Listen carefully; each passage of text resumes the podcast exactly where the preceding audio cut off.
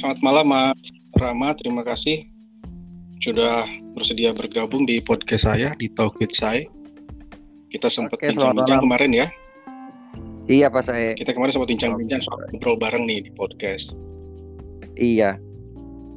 Ya. Nah, sahabat, saya kenal dengan Rama Romindo di iya. kampus. Kita kuliah bareng waktu itu ya. Iya betul. Saya sebagai tahun lalu. mahasiswa yang tua dan Rama ma mahasiswa yang muda. dan kemudian kita sama-sama juga uh, sama-sama mengajar di Universitas Budi Luhur. Oh, Saya ya. menjadi sudah lanjut usia, sementara Rama menjadi dosen muda yang ganteng pula. Nah, menarik anak muda yang jadi dosen di usia-usia muda itu alasannya apa sih Ram? Alasannya um, dari dulu seneng apa ya? Senang berbagi sih pak sebetulnya pak. Karena gini sih prinsip prinsip oh, saya uh, prinsip saya itu saya senang belajar untuk itu ya saya juga mengajar supaya uh, dengan sebetulnya dapat pelajaran oh, mahasiswa-mahasiswa itu macam-macam lah gitu ada apa namanya bikin apa desain bisa ada yang jago public speaking. Berbagi sih. Sebetulnya. Uh, kenapa saya memutuskan untuk mengajar? ya karena dan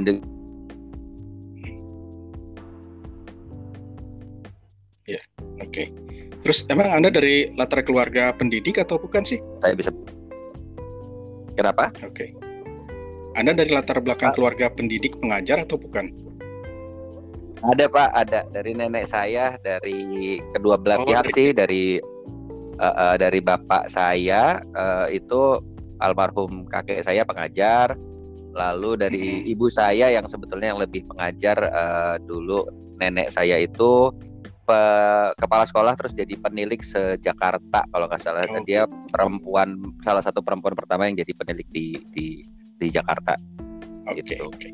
Hmm. Setahu saya Anda lahir di di luar ya atau besar di luar di luar negeri? Uh, lahir dan ya lahir dan jadi bapak saya dulu di kalau sekarang namanya Kementerian Kementerian Luar Negeri dulu namanya Departemen Luar Negeri mm-hmm. dan saya lahir di Romania pak di, oh. di Bukares jadi ada yang salah suka salah oh di Roma mm-hmm. Italia bukan sih walaupun saya ngefans banget sama timnas Italia tapi mm-hmm. uh, kenapa nama saya Rama Romindo itu artinya Rama karena saya lahir di bulan Ramadan okay. lalu uh, Romindo itu singkatan dari lahir di Romania tapi tetap sebagai orang, orang Indonesia. Gitu. Pinter juga bikin nama ya. iya disingkat. Kalau sekarang kalau sekarang oh, suka kembali sama Warmindo sih pak. iya iya warung buat makan Indomie. gitu. Iya iya iya. Iya, jadi Ram. nama saya lahir di sana di Eropa okay. Timur. Iya. Di Eropa Timur ya itu Rumania ya? Iya betul. Saya Dan dulu kalau... pesenam namanya Nadia Comaneci itu. Oh iya itu terkenal banget kalau Nadia Comaneci. Dulu kebetulan bapak saya juga pernah uh, mengajak rombongan tim senam. Kalau nggak -hmm. salah juga ada Nadia Comaneci untuk untuk show di Jakarta sih. Oh gitu. Gitu. Itu itu simbol Romania banget gitu. Oke. Okay. -hmm. Terus besar lahir dan besar di luar negeri di Romania. Kemudian Romania. Anda sekarang tinggal di Indonesia dan menjadi dosen.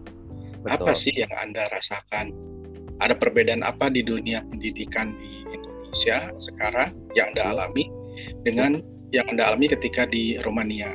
Bagaimana sih bedanya atau persamaannya apa? Baik Pak, saya makasih kesempatannya uh, untuk berbagi. Um, kalau di Romania saya cuma numpang lahir sih Pak, uh, okay. yang mengalami sih kakak saya kalau di Romania. Tapi oh, gitu. um, kalau saya karena pindah-pindah, karena bapak, karena tugas bapak dulu uh, saya SD-nya pernah empat kali tapi bukan karena veteran ya pak. Tapi karena memang pindah-pindah gitu. Um, saya dua SD di Jakarta lalu okay. uh, dua SD itu di Brunei Darussalam di Bandar okay. Begawan saya lulus di sana. Dan uh, kelas 5 dan 6 itu saya di namanya Saint George's School itu sistem Inggris.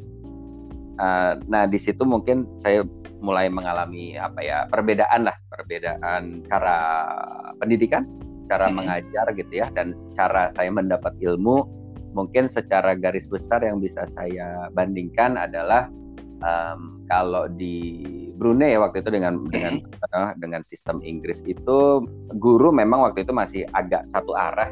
Cuma uh, kita sudah mulai diajarkan untuk berdiskusi dan sudah mulai kritis. Saya juga waktu itu alhamdulillah juga beberapa kali uh, ikut apa namanya lomba tulis gitu uh, kebetulan uh, dapat juara juga saya dan juga beberapa teman dari Indonesia. Jadi sebetulnya anak-anak Indonesia itu kalau di luar negeri terutama termasuk juga di Brunei itu uh, berbakat gitu ya intinya. Okay. menonjol ya? menonjol gitu. Karena kalau kalau anak-anak Brunei-nya sih ya jujur aja memang rada males karena mereka juga udah semuanya udah ada gitu pak. Udah apa anak-anak super kaya biasanya kan. Jadi mereka ya sekedar jadi kalau kalau Indonesia sudah merasa nyaman orang Brunei lebih nyaman lagi ya. Sangat nyaman pak. Sangat nyaman kalau orang Brunei gitu. Makanya yang berprestasi dulu orang Indonesia orang apa Thailand orang hmm. Bangladesh seperti itu. Gimana pak? Setelah dari Brunei terus ke mana? Setelah Brunei itu saya uh, lulus kan Pak uh, kelas 6 tapi karena ada perbedaan apa tuh namanya perbedaan sistem jadi saya lulus di bulan uh, November kalau nggak salah. Nah di sini udah mulai masuk SMP jadi saya biasanya gitu sih kalau apa ya uh, kendala anak-anak Deplu adalah untuk mengejar biasanya mengejar uh, pada saat sampai sini saya langsung masuk ke SMP kelas 1 waktu itu. Nah tadi yang mau saya bilang sih uh, saya waktu itu memang ada gesekan juga sih Pak dengan apa namanya uh, pengajaran gitu um, karena kalau di sana kan sistemnya agak mulai diskusi lah waktu itu. Nah, sementara begitu saya ke balik ke Indonesia masuk SMP itu saya ada semacam cultural shock justru. Jadi cultural shock itu tidak mesti dari Indonesia ke luar negeri tapi dari dari luar negeri masuk ke Indonesia juga ada cultural shock karena waktu itu saya pernah pernah dikeluarin dengan dua orang guru gitu ya. Okay. gurunya udah gak ada sekarang. Uh, yang satu guru PPKN dan satu lagi guru bahasa Inggris gitu. Mm-hmm. Karena memang kalau diurut di, di runut dari sekarang ya mungkin memang saya uh, jadinya terkesannya uh, mengajari atau terkesan sombong gitu sih Pak gitu. Karena mengoreksi yang apa yang yang diajarkan guru bahasa Inggris waktu itu gitu Pak. Karena waktu Anda terbiasa dengan diskusi ya. Iya Pak. Jika masuk lagi ke Indonesia ada gegar budaya, ada culture shock. Uh, iya, ada ada culture shock yang di mana uh, ternyata uh, kalau secara frontal ya pasti guru kan malu dan, dan jadinya apa namanya dampaknya adalah marah gitu. Dan itu ternyata nggak cuma saya nggak cuma saya sendiri yang mengalami beberapa teman saya juga mengalami itu. Oh, gitu. walaupun beda-beda kasus ya. cepat sekolah di luar ketika masuk lagi ke Indonesia iya. menghadapi kondisi itu ya? Betul pak. Betul. Betul. Nah, jadi ya memang kita harus menyesuaikan juga dengan ya waktu itu juga uh, kalau nggak sampai orang tua dipanggil sih, cuman saya cerita dengan ibu, ya ibu juga ngasih tahu ya kamu harus menyesuaikan karena beda beda kultur gitu intinya beda kultur gitu. Lalu saya tiga tiga tahun uh, hampir tiga tahun lagi SMP yang yang paling full sekolah di Indonesia adalah SMP. Dulu saya di udah di sini sih udah di Pondok Aren namanya SMP 177 di uh, dekat sini uh, namanya itu masuknya Jakarta Selatan sih nah terus okay. uh, begitu lulus SMP uh, saya sebetulnya masuk ke 90 SM 90 dekat sini juga. Tapi um, karena bapak pindah ke Jerman saya mengikut tugas bapak untuk ke Jerman. Gitu. oh jadi itu juga dari dari Brunei ke Indonesia terus ke Jerman? Betul pak. Di Jerman ya. berapa tahun Kam? Uh, kalau secara total hampir empat tahun sih pak. Empat tahun ya? Iya, dan itu saya di SMA waktu itu ya karena memang di sini udah masuk SMA, pindah ke Jerman itu uh, sekitar bulan September ya, berarti udah uh, winter semester, masuk ke international school pak dulu pertama. Hmm. International school, nah di situ juga uh, banyak belajar dan perlu menyesuaikan lagi lah gitu. Oke, nah, jadi risiko uh, anak uh, anak dari ayahnya yang bekerja di luar negeri itu harus banyak penyesuaian ya. Betul Pak, uh, biasanya kalau di luar negeri itu kan ya udah pasti Kementerian Luar Negeri dan kadang-kadang kita juga berteman dengan anak-anak Garuda Pak, anak Garuda Indonesia tuh uh, apa namanya yang bertempat tinggal di sana gitu, itu juga hmm. mengalami hal yang sama, cultural shock juga. Dan ada beberapa perwakilan misalnya dari Bank Indonesia kalau saya tidak salah juga ada. Juga. Nah dari dari semua perjalanan Anda di luar mm-hmm. Dari Brunei kemudian di Jerman apa sih yang paling berkesan buat Anda? um, kalau yang paling berkesan buat saya yang tadi saya bilang sih um, cara mengajar dan cara mendapatkan ilmunya gitu ya um, hmm. kita, kita kita beralih ke waktu saya di Jerman di International School itu saya saya memang dari dulu senang dengan pelajaran sejarah tapi di International School itu saya mendapat dua guru sejarah yang satu orang Amerika yang satu orang Inggris nah hmm. itu pun juga beda ternyata sistem apa namanya gaya gaya mengajarnya kalau yang Inggris ini konservatif sih gitu ya kayak gaya guru pada umumnya lah gitu Nah, sementara yang orang Amerika ini makanya sampai sekarang saya ingat oh saya ingat dua-duanya namanya John Hopkins yang dari Inggris. Lalu hmm. yang orang Amerika itu namanya Ethan Hawke. No no, hmm. Ethan, sorry, Mr. John Ethan kalau nggak salah. Kalau Ethan Hawke hmm. uh, aktor ya. Uh, John Ethan itu apa ya?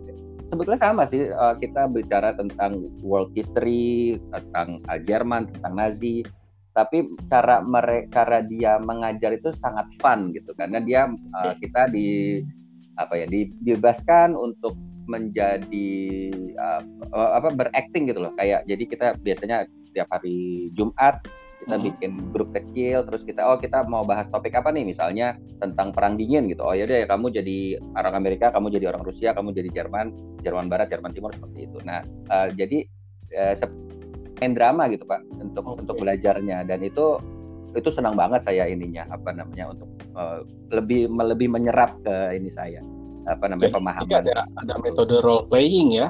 Role playing lalu kita juga diajak ke beberapa apa tempat bersejarah di situ misalnya jembatan saya lupa namanya Remagen kalau nggak salah. Itu hmm. waktu itu perang dunia kedua gitu. Um, apa namanya di sini ada kejadian di tahun sekian gitu pada saat penyerbuan misalnya Amerika lawan Jerman dan segala macam Lalu tapi yang dari uh, yang orang Inggris juga bagus gitu untuk untuk mengajarkannya dia biasanya menggunakan metode suruh nonton video gitu Pak. Saya uh, oh, okay. jadi apa ingat lagi nih saya pernah bikin uh, uh, apa ya? Uh, saya bikin pernah bikin paper sih waktu hmm. zaman SMA itu pernah bikin paper tentang Rasputin, Pak. Rasputin dan juga tentang um, apa namanya akhir dari kekaisaran Rusia gitu. Jadi kita disuruh baca waktu itu ya udah mulai ada internet jadi bisa walaupun nggak secanggih Google sekarang tapi uh, kita banyak referensi terus suruh baca buku terus suruh nonton video gitu ya lalu dirangkum biasanya dan nanti didiskusikan di kelas itu sih uh, sangat terkesan buat saya. Nah, nah dari uh, berbagai contoh yang anda ceritakan kemudian anda jadi pengajar, jadi dosen, apa yang dipraktekkan ke siswa, ke mahasiswa Anda? Ya, Ada salah satunya, dalam salah satunya saya biasanya kalau sekarang UT, UTS saya masih biasanya pakai uh, soal pilihan ganda dan juga esai, tapi biasanya rata-rata kalau UAS saya minta untuk bikin video.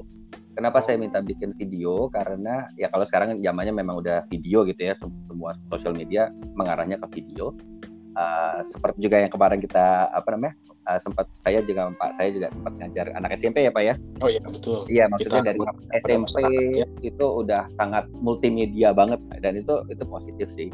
Uh, kenapa saya minta mahasiswa mahasiswi ini untuk bikin video? Pertama karena saya ingin tahu uh, apa yang sudah saya ajarkan selama satu semester apakah mereka ada yang menyerap uh, secara grammar dan juga uh, kemampuan menulis sih sebetulnya kemampuan okay. menulis pertama Uh, lalu kedua, uh, saya biasanya kalau yang yang baru aja nih saya minta uh, three to five years plan gitu. Jadi apa sih pengennya setelah lulus dari dari universitas, lalu impian-impiannya apa aja. Saya bebaskan nggak hanya studi, tapi misalnya ada yang mau bikin album musik, ada yang mau jadi presenter dan segala macam, saya bebaskan gitu. Jadi itu lebih ke menggali uh, dream dream book mereka lah, menggali dream uh, dan uh, goals mereka di 3 sampai 5 tahun ke depan.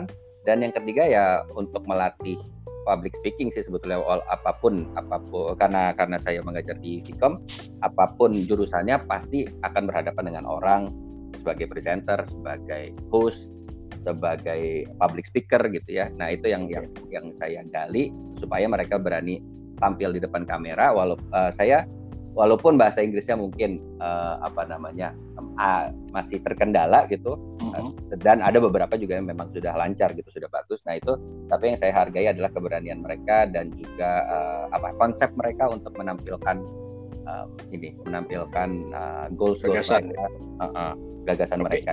Ya, saya hampir lupa Anda tuh mengajar bahasa Inggris ya di kampus ya? Iya Pak, bahasa Inggris. Bahasa Inggris. Bukan bahasa Jerman ya, tapi Inggris. Kalau bahasa Jerman saya belum berani untuk ngajar. gitu. Oke. Okay. Sebelum saya bertanya soal isu-isu terkini di dunia kampus, saya ingin bertanya dulu sebetulnya apa sih yang menghambat uh, mahasiswa-mahasiswa kita atau orang Indonesia susah berbahasa asing? Dalam hal ini bahasa Inggris lah, sepemahaman Anda. Oke. Okay. Um, kalau sekarang yang saya lihat, saya salut beberapa mahasiswi-mahasiswa sudah sangat lancar bahasa Inggrisnya. Kalau dia ngomong ya, eh, kita hmm. lepas grammar. Karena uh, saya tanya, kok bahasa Inggrisnya lancar? Emang belajar di mana? Apa, apa pernah kursus? Ya ada beberapa yang pernah kursus, tapi ada juga yang dapat dari uh, YouTube. Mereka memang jadi memang belajar. Ada salah satu mahasiswa saya itu uh, dia juga berprofesi sebagai pembalap motor gitu ya itu dia sangat lancar gitu. Ternyata saya tanya oh emang saya suka bahasa saya suka belajar bahasa Inggris suka belajar bahasa Spanyol. Bahkan dia ngasih link saya untuk belajar bahasa Spanyol di YouTube gitu. Oh gitu. uh, iya dan dan oh iya terus ada beberapa yang dari uh, dari nonton nonton Netflix nonton Disney Plus gitu. Jadi mereka juga apa latihan dari sana gitu. Jadi memang kalau sekarang sih kalau sebetulnya kendala itu bisa sangat dikurangi dengan karena teknologi udah sangat mudah gitu inform segala informasi sudah sangat mudah kita dapat. Kalau dulu zaman saya saya masih punya uh, saya belajar bahasanya adalah dengan cara bikin kamu sendiri pak. Saya jadi misalnya saya punya misalnya nih kalau ada salah satu kata misalnya faint gitu ya F A I N T artinya pingsan. Ya itu biasanya saya tulis tuh ininya artinya ini artinya ini gitu. Itu itu manual ya. Kalau sekarang kan semuanya udah ada di di internet seperti itu. Nah, ke, balik tadi ke pertanyaan Pak Sae, kalau kenapa uh, kenapa ada kendala untuk berbahasa asing, mungkin pertama adalah hmm, karena memang sudah terbiasa, tidak terbiasa bilingual dari dari dari kecil okay. ya.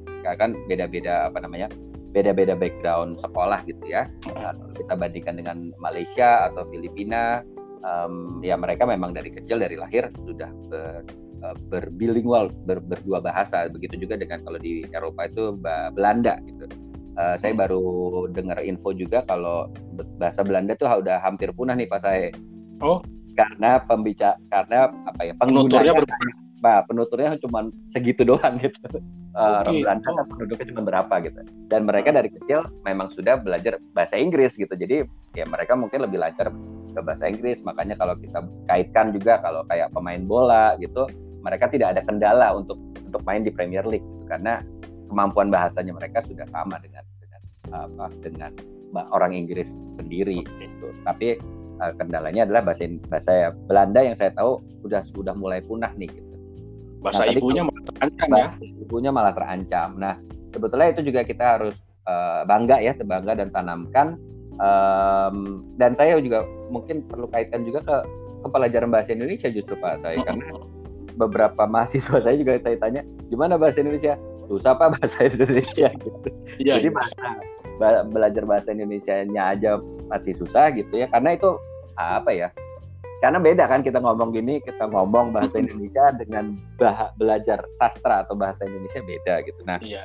ya balik lagi tadi ya kendalanya ya itu sih. Kalau dulu sih kalau zaman saya mungkin beberapa puluh tak berapa belas tahun lalu uh, kalau anak ngomong bahasa Inggris tuh di cie-cie gitu loh Pak kayak ah iya iya, iya. Uh, belagu banget gitu kayak gitu-gitu. Mungkin itu salah satu kendala ya. Gitu. Nggak tahu kalau yang anak-anak sekarang masih mengalami itu enggak. Kenapa Pak? Ya itu jadi faktor penghambat juga ya kalau anak di cie-cie ya. Iya Pak, iya. Jadi yang tadinya udah level 3 eh mundur lagi nih gitu kan. sama ini sih Pak, sama ya kalau saya apa ya, saya dapat wejangan dari uh -huh uh, guru bahasa Jerman saya dulu di Berlin namanya Ricarda Ricarda Michaeli saya ingat. Uh, hmm. dia bilang kalau kamu mau belajar bahasa berkumpulan eh, kayak kayak ini loh pak kayak kayak apa ya kayak dalam dalam Islam ya pak ya? Uh, kalau mau jadi orang soleh berkumpulan dengan orang soleh. Kalau mau jadi musisi hebat ya berkumpulan dengan musisi gitu. Jadi okay. maksudnya uh, ya kalau mau belajar bahasa Jerman ya jangan ngumpul sama orang Indonesia, nyemplung aja ke komunitas Jerman gitu. Hmm. Kalau mau hmm. belajar bahasa Inggris maka bentuklah uh, komunitas yang berbahasa Inggris sehingga tidak ada cie-cie dan ya udah kalaupun salah ya hajar aja gitu. Santai aja gitu ya. itu sih Pak mungkin yang yang perlu saya nggak tahu kalau kalau di sekolah-sekolah Indonesia sekarang gimana cuma hmm. ya mungkin yang perlu di, di lebih di apa ya lebih dibentuk lagi adalah itu komunitas English Club seperti itu hmm. Sehingga ada wadahnya dan mereka bisa berkembang di situ gitu. Mana yang lebih baik uh, membuat atau belajar bahasa Inggris di Indonesia sampai membuat kelompok bahasa Inggris ataukah belajar langsung di luar negeri? Ya jika ada kesem jawabannya jika ada kesempatan ya alangkah lebih baiknya langsung ke negara yang berbahasa Inggris. Tapi kalaupun hmm. ada di Indonesia itu sudah cukup baik kalau misalnya uh, membentuk English Club, terus mungkin ada adu debat, diskusi gitu, uh, angkat topik-topik kekinian yang bisa dibahas dengan bahasa Inggris lepas dari grammarnya udah bener atau belum karena yeah. karena oh balik lagi kayaknya anak Indonesia kadang-kadang grammarnya bagus tapi takut ngomong pak iya karena karena, dia karena udah tahu nih. kan belajar grammar. Iya karena dia udah tahu ah nanti kalau gue ngomong ini salah nih gitu kan. Tapi ada juga yang yang grammarnya masih ya amburadul lah bisa dibilang gitu. Tapi uh, uh, tapi dia berani ngomong gitu. Jadi ya ada ada plus minusnya lah itu. Harusnya digabung lah. Ngomong saya, aja dulu uh, okay. ngomong dulu nanti baru belajar grammarnya gitu sih kalau iya saya kadang kadang suka berpikir gini udahlah nggak usah ngomongin grammar lah yang penting ngomong aja. Orang iya, asing juga ngerti kita ngomong apa gitu betul pak betul. Saya juga ada teman kan apa namanya ya saya bergerak di bidang apa uh, periklanan juga lah ya sama video hmm. production gitu. Dia juga pernah dulu beberapa tahun lalu dia bilang gue pernah dapet nih uh, klien orang Amerika. Terus akhirnya presentasi lah gini-gini. Eh, tapi orang Amerika ngerti ya pok I understand what you say gitu. Pokoknya akhirnya yang penting pesannya sampai gitu. Dia presentasi gitu ini maksudnya ini ini ini dengan gaya bahasa Inggris yang yang seadanya gitu tapi orang orang Amerika orang Amerikanya uh, ini mengerti bisa dan paham. bisa paham dan proyek itu berjalan dengan lancar gitu jadi poinnya adalah jangan takut jangan takut ya, ya. jangan Jadi, takut jangan dan, takut jangan takut salah sih jangan takut salah pertama Karena jangan udah gimana? Ya menurut saya pertama jangan takut salah. Iya. Kedua jangan takut mencoba. Betul. Jangan takut salah. Kalaupun salah ya udah maksudnya nanti juga bisa diperbaiki gitu kan. Yang penting yang penting orang yang diajak ngomong ngerti maksud kita dan kita juga ngerti maksud dia. Sama di bahasa apa pun saya rasa gitu. Kalaupun saya nyemplung di Bandung atau di Jawa Barat terus saya dengar bahasa Sunda, saya jawab bahasa Sunda mungkin belepotan juga ya yang penting ngerti gitu sih Pak. Anda nggak takut dipecat ngomong bahasa Sunda? Nggak, kalau saya takut. Cuma sedikit kalau bahasa Sunda. Dari dari ibu saya bisa sih kalau dia. Oh gitu ya. sedikit sedikit kalau bahasa Sunda. Sama bahasa Jawa. Apa gitu, yang Pak. paling membahagiakan sebagai seorang pengajar bahasa asing berhadapan dengan mahasiswa di kampus? Yang paling membuat Anda senang apa sih?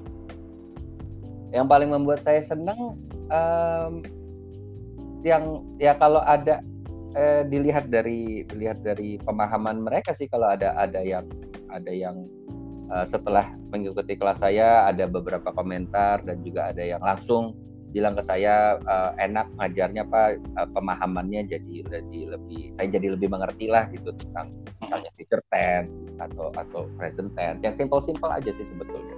Uh, bisa naik satu tingkat dua tingkat dan mereka sudah berani ngomong dalam bahasa Inggris itu buat saya itu udah udah udah pencapaian sih gitu. pencapaian buat uh, mereka yang membuat saya bahagia. Oke. Okay. Ya pengalaman saya mengajar bahasa jurnalistik juga ribet tuh anak-anak.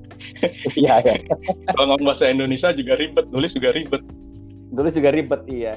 Karena, ya, karena ya. kayaknya mindset sih pak kalau itu ya berarti ya uh, lepas dari mata kuliahnya ya itu tadi karena mungkin takut salah atau belum apa apa udah udah ribet gitu kan juga sebetulnya kan juga uh, sekarang bagus-bagus ya ada creative thinking gitu itu juga saya suka tanya gitu eh di mata kuliah lain belajar apa aja gitu. Oh ini pak ada creative thinking. Nah, biasanya saya kaitkan sih maksudnya. Oh ya udah hmm. bikin yang kayak bapak atau ibu dosen itu tapi dalam bahasa Inggris gitu. Jadi hmm. jadi uh, ini jadi saling berkaitan lah gitu. Hmm. Uh, uh, gitu tapi emangnya pak kalau ya bahasa jurnalistik mungkin apa lagi ya? Iya. ya agak-agak. Ya tetap ujung-ujungnya saya selalu bilang ke mereka semakin jam terbangnya tinggi, hmm. Anda akan semakin bisa. Kalau nggak pernah coba ya, ya susah gitu. Kalau bicara ke jurnalistik ya saya beberapa tahun pengalaman sebagai jurnalis juga ya. Mm -hmm. uh, ya itu juga ya pengalaman kan ketemu interview orang yang apa ya misalnya pebisnis lalu ketemu artis lalu ketemu apa namanya pengusaha UMKM itu kan beda-beda apa cara pendekatannya yeah. cara untuk menggali informasinya gitu oh, ketemu dengan apa olahragawan gitu kan itu itu benar banget sih memperkaya memperkaya pengalaman juga sih untuk okay. oh ya tadi balik lagi ke apa namanya pengalaman di di luar negeri gitu di Jerman itu salah satunya dulu yang saya juga favorit itu kayaknya dulu masuknya masih ekskul tapi nyai berkaitan dengan bahasa Inggris juga. Itu namanya jurnalism jurnalism jadi dulu ada kayak ruang kayak ruang apa namanya kayak ruang uh, wartawan gitulah. Dan kita ada ada ada majalah sekolah ya dulu majalah sekolah. Jadi nanti ditugasi ada yang meliput sport ada yang meliput apa namanya ya kejadian-kejadian di tempat lokal lah gitu atau meliput makanan seperti itu. Itu juga melatih banget sih saya rasa itu juga bagus banget kalau bisa dipraktekkan di uh, di SMA maupun di SMK ya SMK kan dia kan kejuruan jadi mereka benar-benar bisa mengeksplorasi dan memaksimalkan itu. Oke. Gitu. Itu kalau kita bicara soal keseharian kita mengajar ya isu yang iya. menarik untuk hmm. disampaikan ke pendengar kita juga yang menarik juga dijalani ya kita bisa senyum-senyum sendiri lihat kemampuan mahasiswa apalagi iya. kalau mahasiswanya berkembang betul betul kalau nah, dan kita juga harus berkembang sih pak sekarang uh, apa ya medianya kan sudah uh, sudah sangat berkembang ya kalau pak mm-hmm. kalau ya kalau saya kalau zaman dulu kan uh, media cetak gitu ya pak kalau sekarang media cetaknya juga sudah sangat bergeser lah gitu. Nah, yeah. ya kita pun sendiri juga perlu berkembang untuk ya seperti ini kan kita bikin podcast, lalu bikin mm -hmm. video cast, lalu bikin yeah. apa reportase dimasukin ke YouTube dan segala macam itu itu juga apa penyesuaian juga ya pak ya intinya. Iya betul. Penyesuaian. Adaptasi terus dilakukan terus. Adaptasi betul pak. Nah Ram di luar soal sehari-hari kita mengajar, kita bicara soal isu uh, pendidikan ya. Iya, Pak. Isu yang kemarin hangat kan soal isu sexual harassment mm -hmm. di kampus. Ya atau di sekolah lah. Waktu Anda di luar negeri sana, sempat nggak sih ada isu seperti itu? Isu itu sih pasti ada ya kalau isu sexual harassment tuh di negara mana pun ada. Mungkin yang perlu kita bahas adalah juga tentang uh, sexual education pak. Gitu ya. Sexual education itu bukan hanya sexual activity between men and women gitu ya, bukan hanya yang dewasa, tapi dari mulai sejak dini sih pak. Itu yang yang saya alami di di, di Jerman terutama dan Belanda. Itu um, mereka memang ya kalau mau dibilang negara liberal iya cuman nggak liberal liberal amat sebetulnya gitu. Masih ada masih ada nilai-nilai moral dan agamanya juga gitu kan seperti itu. Jadi apa namanya yang saya alami waktu itu di sana um, karena kan saya di sana sekitar 13 sampai 18 ya uh, usia remaja lah pak.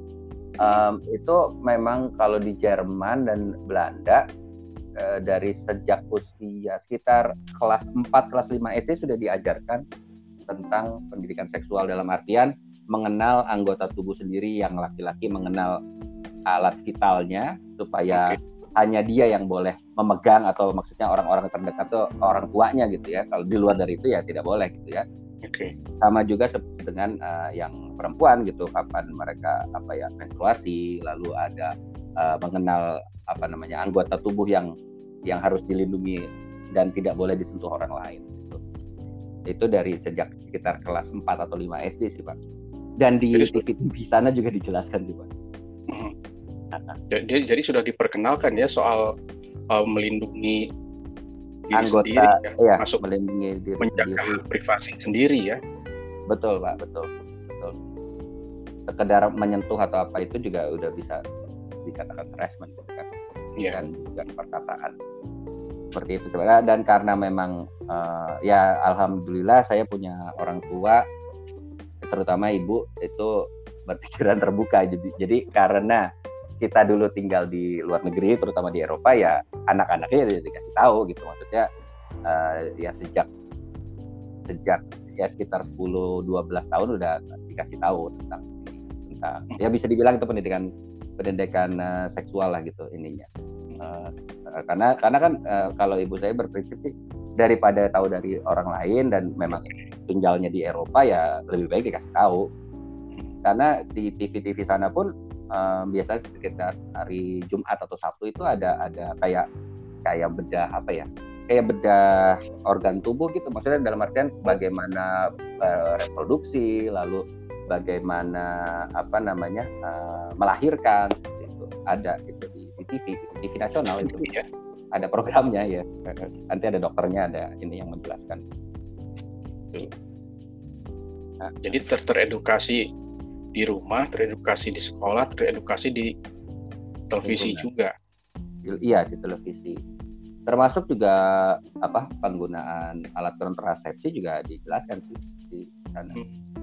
Gitu. Dan dan uh, yang saya baca-baca artikel ya maksudnya bukan pembenaran atau apa di di apa namanya kehamilan usia remaja di Belanda dan di Jerman itu uh, lebih sedikit sebetulnya.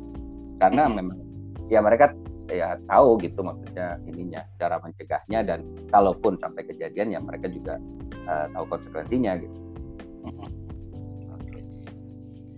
Ya itu dari sisi soal isu-isu yang belakangan muncul.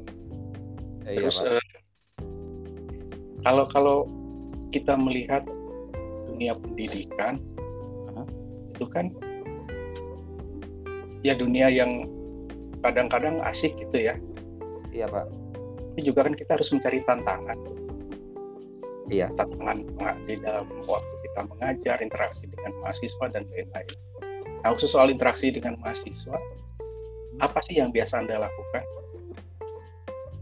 Apa yang biasa saya lakukan? Interaksi dengan mahasiswa, saya menggali di, hobinya di biasanya. Saya biasanya menggali hobinya sih. Oh gitu. Uh, dimulai dari hobi sih biasa ya. Kalau misalnya senangnya uh, Pak Korea Korea, saya nggak nggak begitu paham tentang Korea, tapi paling nggak saya tahu oh dia suka K-pop, dia suka segala sesuatu tentang Korea. Lalu kalau ya misalnya suka nonton ya karena saya juga suka nonton ya saya saya bisa nyambung lah ke situ kalau misalnya suka musik ya kita bahas tentang lagu. Bisa juga dikaitkan dengan uh, membedah lirik seperti itu. Uh, itu interaksinya sih terutama biasanya uh, terus juga saya tanya uh, mata kuliah nih kan biasanya uh, ada biasa berapa sih? Delapan mata kuliah tuh di antara delapan tuh yang favorit kamu yang mana sih gitu? Kenapa kamu senang sama mata kuliah itu? Misalnya ada yang bilang fotografi ada yang bilang jurnalistik ada yang bilang uh, apa creative thinking seperti itu itu sih. Jadi dikaitkan dengan ya itu topik-topik kekinian juga saya suka angkat sih pak. Kayak apa namanya um, kayak waktu itu juga saya diminta untuk jadi narasumber uh, salah satu kelompok kelas karyawan. Ya ya salah satunya juga membahas tentang seperti ini apa namanya etika dalam bermedia sosial. Seperti itu. Saya jelaskan ya kalau media kalau dulu ada apa namanya kalau Pak saya pasti jauh lebih paham apa namanya ada ada saringannya gitu ya Pak ya. Ada dari mulai reporter ngasih tulisan lalu ada penyuntingan atau proses editing sampai jadi artikelnya. Kalau sekarang kan saringannya itu kan sebetulnya yang yang yang sangat tipis gitu pak. Yang tidak ada. Yang tidak ada malah ya mau di post makanya media sosial nggak ada. Ya, iya.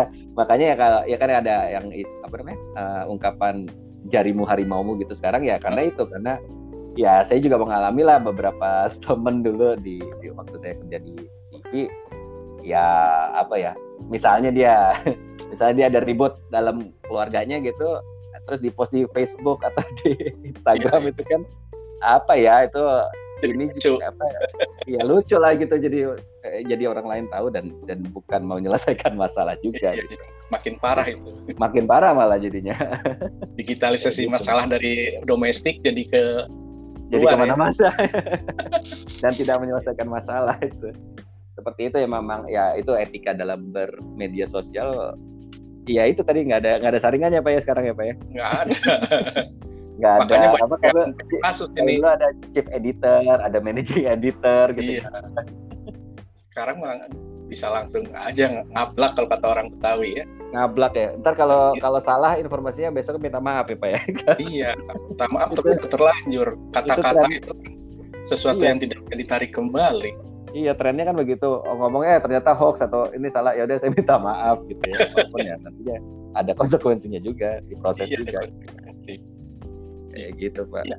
Kalau mengajar di kelas mahasiswa reguler hmm. dengan di kelas karyawan apa sih yang membedakan menurut anda?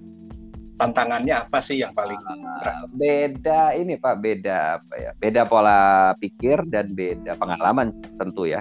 Hmm. Kalau di kelas reguler biasanya kan rata-rata itu sekitar 30 sampai 40-an mahasiswa-mahasiswi ya mereka rata-rata fresh graduate gitu memang dari SMA atau SMK dan ya pola pikirnya itu kan uh, adaptasi dari dari anak yang baru lulus SMA atau SMK lalu okay. menjadi anak uh, kuliah gitu ya.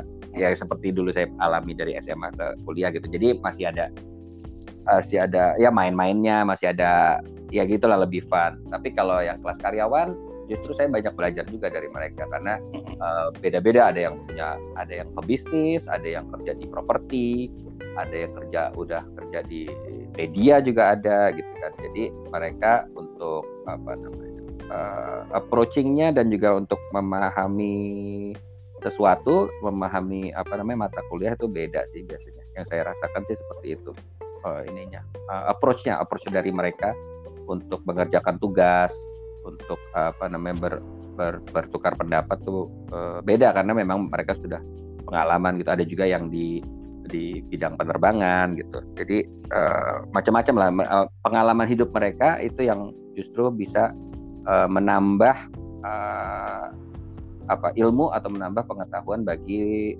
teman-teman yang lainnya. Oke. Okay.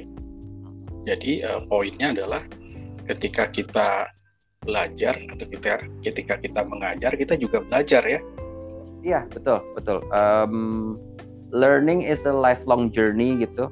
Uh, hmm. Jadi ya dari mulai bisa membaca sampai nanti sampai nanti nggak ada ya mudah-mudahan masih bisa dikasih kesempatan dan dikasih uh, ini apa namanya ya dikasih pikiran yang jernih untuk bisa terus belajar gitu karena kalau kita mau meneladani kayak Nelson Mandela kayak yang masih ada sekarang masih hidup Mahathir Muhammad gitu bahkan sampai umur 90-an tapi otaknya tetap muda gitu maksudnya dalam artian. Oh uh, satu lagi idola saya uh, Profesor Quraisy Shihab itu hmm. saya sangat mengidolakan beliau.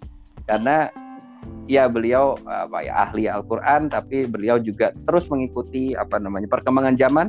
Di apa eh, kemarin saya nonton ininya juga apa namanya di YouTube itu dia mereka dia tetap tetap mengikuti ada berita bola terus uh, mengikuti robot tentang tentang robot yang terus abis itu mengikuti kalau ya membaca segala macam informasi sekarang udah bisa dari alat sekecil ini alat dari smartphone. Itu jadi maksudnya apa pun profesi atau apa pun ya kan apa ya, ya apa pun profesinya tetap harus belajar sih. Karena dengan belajar itu uh, makin dalam makin luas juga wawasannya. Dan itu bisa diaplikasikan ke kehidupan sehari-hari termasuk juga uh, terhadap pekerjaan. Jadi open open minded itu keharusan open ya. Open minded ya, open minded, open minded. Itu sih sebetulnya yang mungkin juga saya pelajari uh, yang saya bersyukur saya apa uh, mendapat pengalaman di Eropa ya terutama mungkin hmm. kalau bisa dikaitkan nggak tahu nih ya nggak tahu sensitif atau enggak cuman um, biasanya biasanya orang-orang Eropa dalam memilih suatu keyakinan apa pun keyakinan atau agamanya mereka mempelajari. Jadi dengan logika dengan eh, dengan ilmu kenapa saya harus melakukan ini kenapa saya tidak melakukan ini kenapa saya boleh makan ini kenapa tidak boleh makan yang ini. Dan itu yang menambah keyakinan untuk memilih salah satu. Itu salah satu kepercayaan. Seperti itu sih yang yang yang saya uh, pantau di sana dalam gitu. ya yang dalam Islam di luar sana ya. Iya open minded sih open minded itu sebuah hal yang penting. Okay. iya betul Rama ini selain menjadi dosen pernah di televisi ya pernah tapi di bagian promo pak saya oh, di bagian promosi terus selain di televisi di mana lagi eh, itu tadi di dulu ada Esquire Indonesia pak kalau dibilangnya Esquire sih, majalah Iya, media wangi ya Pak ya. Jadi iya. liputannya ke hotel-hotel, ke ketemu artis gitu-gitu. Di sana jadi penulis atau iya, di Pak, mana saya senior reporter waktu itu. Oh, jadi jadi reporternya di Esquire ya. Esquire, iya. Saya malah menganggap itu Esquire tuh keren loh. Iya keren pak kalau Esquire hmm. di Amerikanya maksudnya. Oh iya tetap di di, uh, di sini juga image-nya keren kok. Iya keren keren. Jadi ternyata ya nggak apa-apa kan kalau uh, saya baru beberapa bulan lalu bulan lalu nonton tentang biografi uh, Hugh Hefner pak. Uh-uh. Nah, Hugh Hefner itu sebelum dia menciptakan Playboy dia mengidolakan Esquire. Oh gitu. Jadi dia mendapat ilmu apa jurnalistik dulu dari Esquire, habis itu dia mengembangkan jadi uh, Playboy gitu kan. Jadi okay. uh, Playboy kan juga uh, apa ya namanya pembahasannya itu mendalam sebetulnya artikel-artikelnya. Uh, dia lepas dari yang yang apa foto-foto uh, gitu ya, tapi uh, ininya mendalam gitu dan dia mengangkat isu-isu yang yang yang hangat waktu itu dan uh, coba dihindari dengan pihak lain salah satunya adalah isu tentang HIV AIDS waktu itu di tahun 80-an. Yeah, yeah uh, itu yang angkat pertama justru uh, Playboy gitu. Dan dan itu ya itu itu itu peran peran dari media sebetulnya. Untuk mencerdaskan dan untuk memberikan pemahaman yang benar ya pak ya. Dari dari dua dua background pengalaman ini di media dan kemudian di dunia pendidikan apa sih yang bisa anda sintesakan dari dua hal itu apa yang bisa disintesakan dari dua hal itu? Pendidikan dan media ya pak. Uh, mungkin uh, pendidikan di zaman sekarang perlu bersinergi atau berkolaborasi dengan media gitu. Saya rasa seperti itu. Kenapa? Uh, ya karena sekarang medianya sudah sangat luas sudah sangat uh, apa teraksesnya sudah sangat banyak gitu. Justru justru uh, dunia pendidikan yang perlu beradaptasi untuk menggunakan media secara baik dan sesu, apa bisa bermanfaat bagi uh, bagi para anak didik seperti itu. Hmm. Ya tadi misalnya untuk menggunakan uh, medium Instagram, YouTube, bahkan TikTok juga kan nggak nggak semua joget-joget gitu juga bisa digunakan gitu. Uh, itu sih Pak. Jadi memang berkesinambungan sih maksudnya saya punya pengalaman di media lalu saya uh, sekarang terjun juga di dunia pendidikan. Ya pengalaman-pengalaman di di dunia media tadi seperti apa script writing, seperti itu kreatif kreatif apa namanya? kreatif writing, kreatif thinking, lalu uh, ju, apa etika-etika jurnalisme itu kan juga yang perlu ditanamkan juga sebetulnya ke, ke anak didik yang sekarang gitu yang yang, yang tadi karena batasannya udah udah nggak ada itu gitu memang itu uh, ber, ber, berkes apa ya saling berkait sih pak media okay. dengan pendidikan jadi poin yang bisa saya tangkap ini mudah-mudahan nggak salah yeah. Iya. uh, adaptasi uh, dunia pendidikan terhadap perkembangan media sosial dan media komunikasi itu penting banget ya penting banget sosial media media komunikasi um, cara berkomunikasi dan juga tadi etikanya ya etikanya hmm. karena itu mungkin juga yang perlu di lebih ditonjolkan juga ya sekarang semua bisa berbicara semua bisa bikin konten tapi yang etika dan yang berbobot yaitu yang yang perlu di perlu dieksplor lebih bagus uh, lebih lebih jauh lagi gitu dan juga uh, apa ya ya tadi etika ya mungkin nggak nggak caci maki gitu tapi lebih yeah, ke yeah, yeah. yang yang lebih santun perlu dengan dengan dengan cara-cara yang lebih kreatif sih pak lebih kreatif ya. dan cerdas sih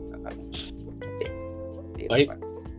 Makasih Rama ini nggak terasa kita seperti yang oh. dijanjikan kemarin kita ngobrol 40 menit sudah lewat. 45 menit ya udah satu babak iya. sepak bola nih Pak. Iya, satu satu half time. Half time menjelang iya. injury time. Jadi saya minta kalau ada uh, apa closing dari Anda silahkan. Waduh, closingnya apa ya? Oh, ya closingnya Eh, belajar bisa di mana saja dan kapan saja kalau sekarang sih bisa segala sumber sekarang sudah terbuka. Ya justru yang perlu kita apa namanya kita lakukan adalah mensortirnya gitu. Kalau saya kalau prinsip saya adalah uh, belajar jangan cuma dari satu guru jangan jangan cuma dari satu sumber tapi ya kita bisa menggunakan akal sehat kita untuk memilih uh, knowledge atau memilih sumber-sumber yang bisa membuat kita menjadi orang yang lebih baik dan lebih bermanfaat. Gitu. Oke, makasih Rama. Sahabat ya, channel Abdi, itulah percakapan saya dengan Rama Romido, salah satu dosen muda di Universitas Budi Luhur, yang masih sangat muda dibandingkan saya dan bisa disebut sebagai salah satu dosen ganteng di Luhur sana. Terima kasih Rom. Iya, terima kasih. Sampai kita berjumpa lagi. Terima kasih. Selamat malam. Selamat malam Pak Sae. Waalaikumsalam.